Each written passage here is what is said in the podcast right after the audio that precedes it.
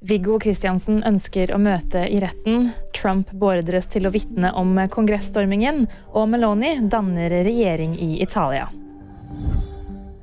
Viggo Kristiansens advokat sier hans klient vil møte opp i et eventuelt rettsmøte for å få hans del av Baneheia-saken endelig avgjort. Det sier Kristiansens forsvarer Arvid Sjødin til NRK.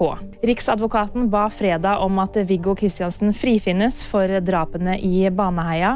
Han beklager også på det sterkeste uretten som er begått mot ham. Kongressens granskningspanel beordrer Donald Trump til å vitne om kongressstormingen.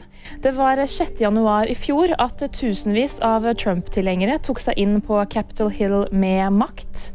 Kongressrepresentantene mener Trump var den sentrale drivkraften bak en større innsats for å endre resultatet av presidentvalget i 2020. Komiteen ber Trump forklare seg under ed innen 14.11. Georgia Meloni danner ny regjering i Italia. Det bekrefter det italienske presidentkontoret.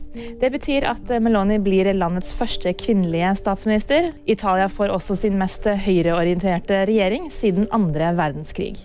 VG nyheter fikk du av meg, Anna Julie Bergesen.